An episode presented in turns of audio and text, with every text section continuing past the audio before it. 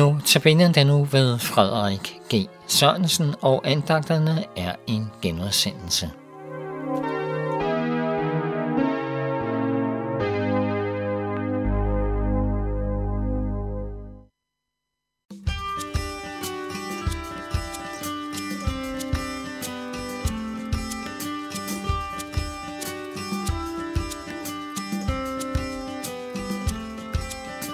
Give me løft din stemme, lad dit hjerte synge. Giv med at løft din stemme, lad dit hjerte synge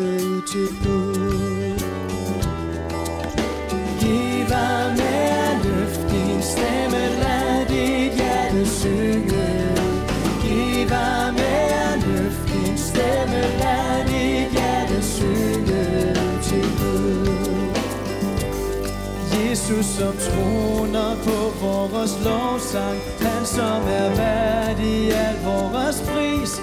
Giv ham nu alt, hvad han fortjener.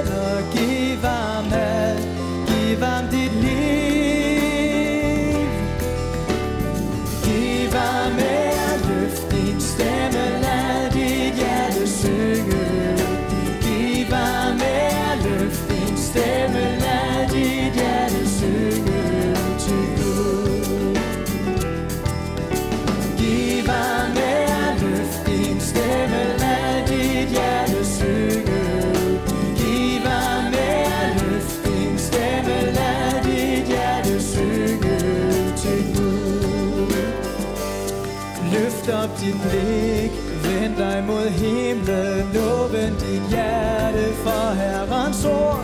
Og lad Gud høre, at hans folk fryder sig i ham, priser Guds navn. Løft op dit blik, vend dig mod himlen, åbn dit hjerte for Herrens ord. Og lad Gud høre, at hans folk fryder sig i ham, priser Guds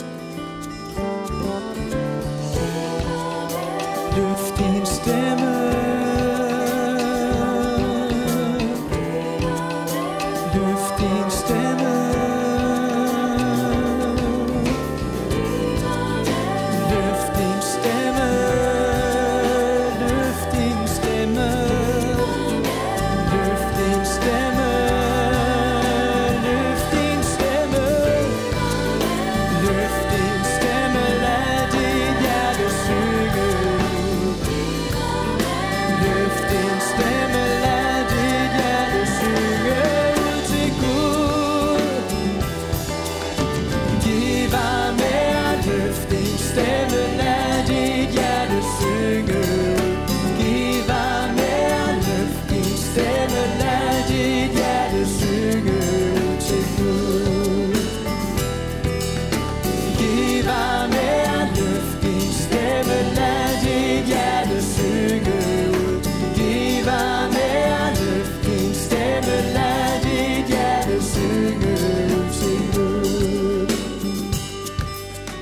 giver med at løft din stemme, lad dit hjerte synge ud.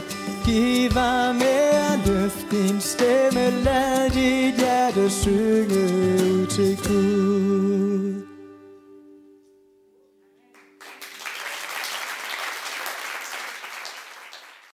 Og den anden andagt her vil jeg sige noget om syndefaldet og arvesynden. Så skete det bare. Hun ikke flere kan ikke genkende til sådan en indrømmelse om noget, som skete, der blot ikke skulle ske. Man havde ikke forestillet sig at falde for fristelsen, men fristelse til at handle forkert, og i dertil følgende fald i synd, er ikke noget få her i livet kommer ud for. Mennesker har både lyst og tilbøjelighed til at vælge forkert i mødet med en fristelse. Søndefaldet, som vi kan læse om i Bibelens tredje kapitel, første Mosebog, beskriver, hvordan de første mennesker faldt for slangens nedige bemærkning om, at det ikke ville få konsekvenser at gøre stik imod det Gud, Herren har sagt. Menneskets oprør mod Gud, som himlens og jordens skaber, er en helt og aldeles uforklarlig virkelighed. Der er ingen forudsætning, og synden er medfødt. Synden er personens oprør mod Gud, og synden medfører evig fortabelse. Gad vist om ikke Adam og Eva efter syndefaldet og uddrivelsen af Edens have vendte tilbage til den begivenhed i paradiset flere gange.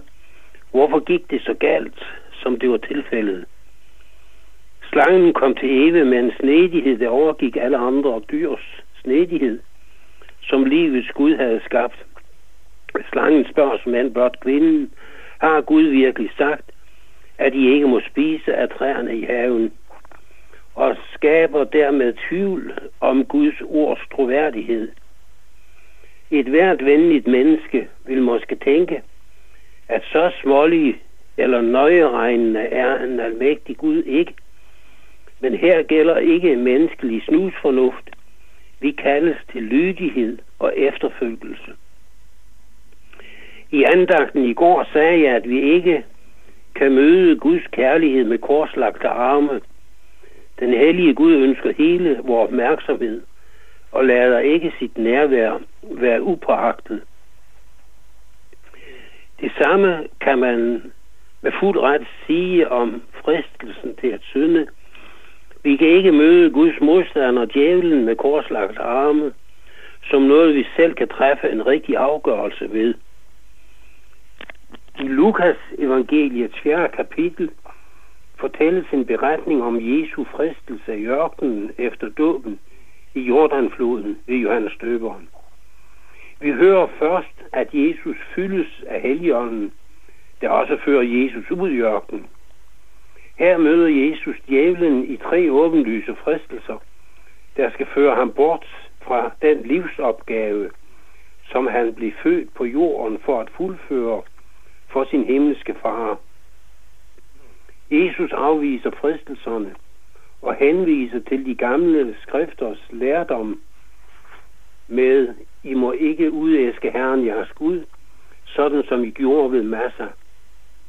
I skal holde Herren jeres Guds befalinger og de formaninger og love, han har givet dig. Jesus mødte fristeren med ord fra den hellige skrift. Her var ingen korslagt arme. Det var situationen alt for farlig til. Det er en stor fejl at undervurdere sin modstander. Guds søn, Jesus Kristus, var under fristelsen i ørkenen til fulde klar over sin modstanders bedrageriske og løgnagtige hensigter. Det er værd at lægge mærke til, at der står, at fristeren forlader Jesus for en tid, da han ikke har mere at friste med. Efter fristelsen i ørkenen vender Jesus tilbage i åndens kraft og fortsætter undervisningen om Guds rige. Synd betyder ramme ved siden af. Det er skaberens hensigt med sit skaberværk, der var så og godt. Synd er ikke en ligegyldig ting. Gud måtte sende sin egen søn til jorden for at zone menneskehedens synd – Gud fastholder sit ønske om at frelse syndere fra den evige fortabelse. Så det er ikke en ligegyldig ting, der står på spil, men tværtimod det største her i livet.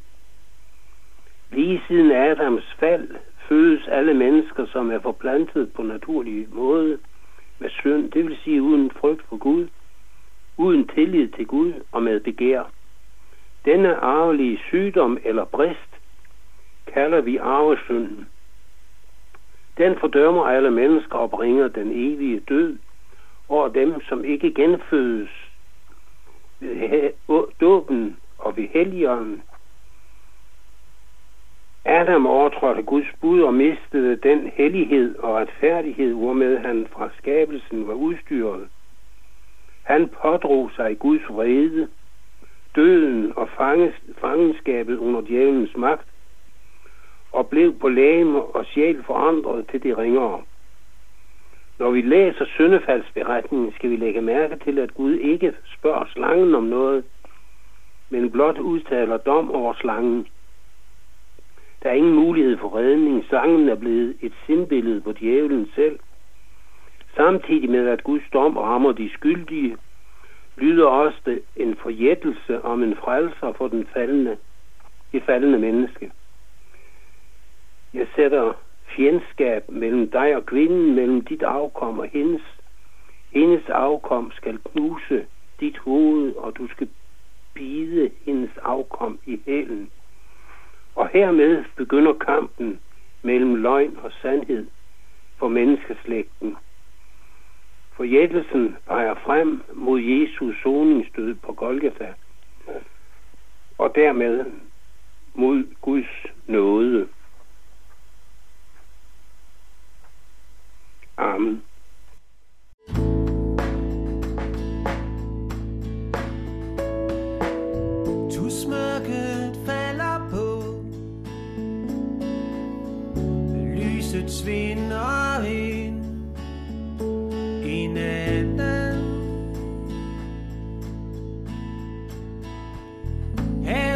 Stille nu. Men vi har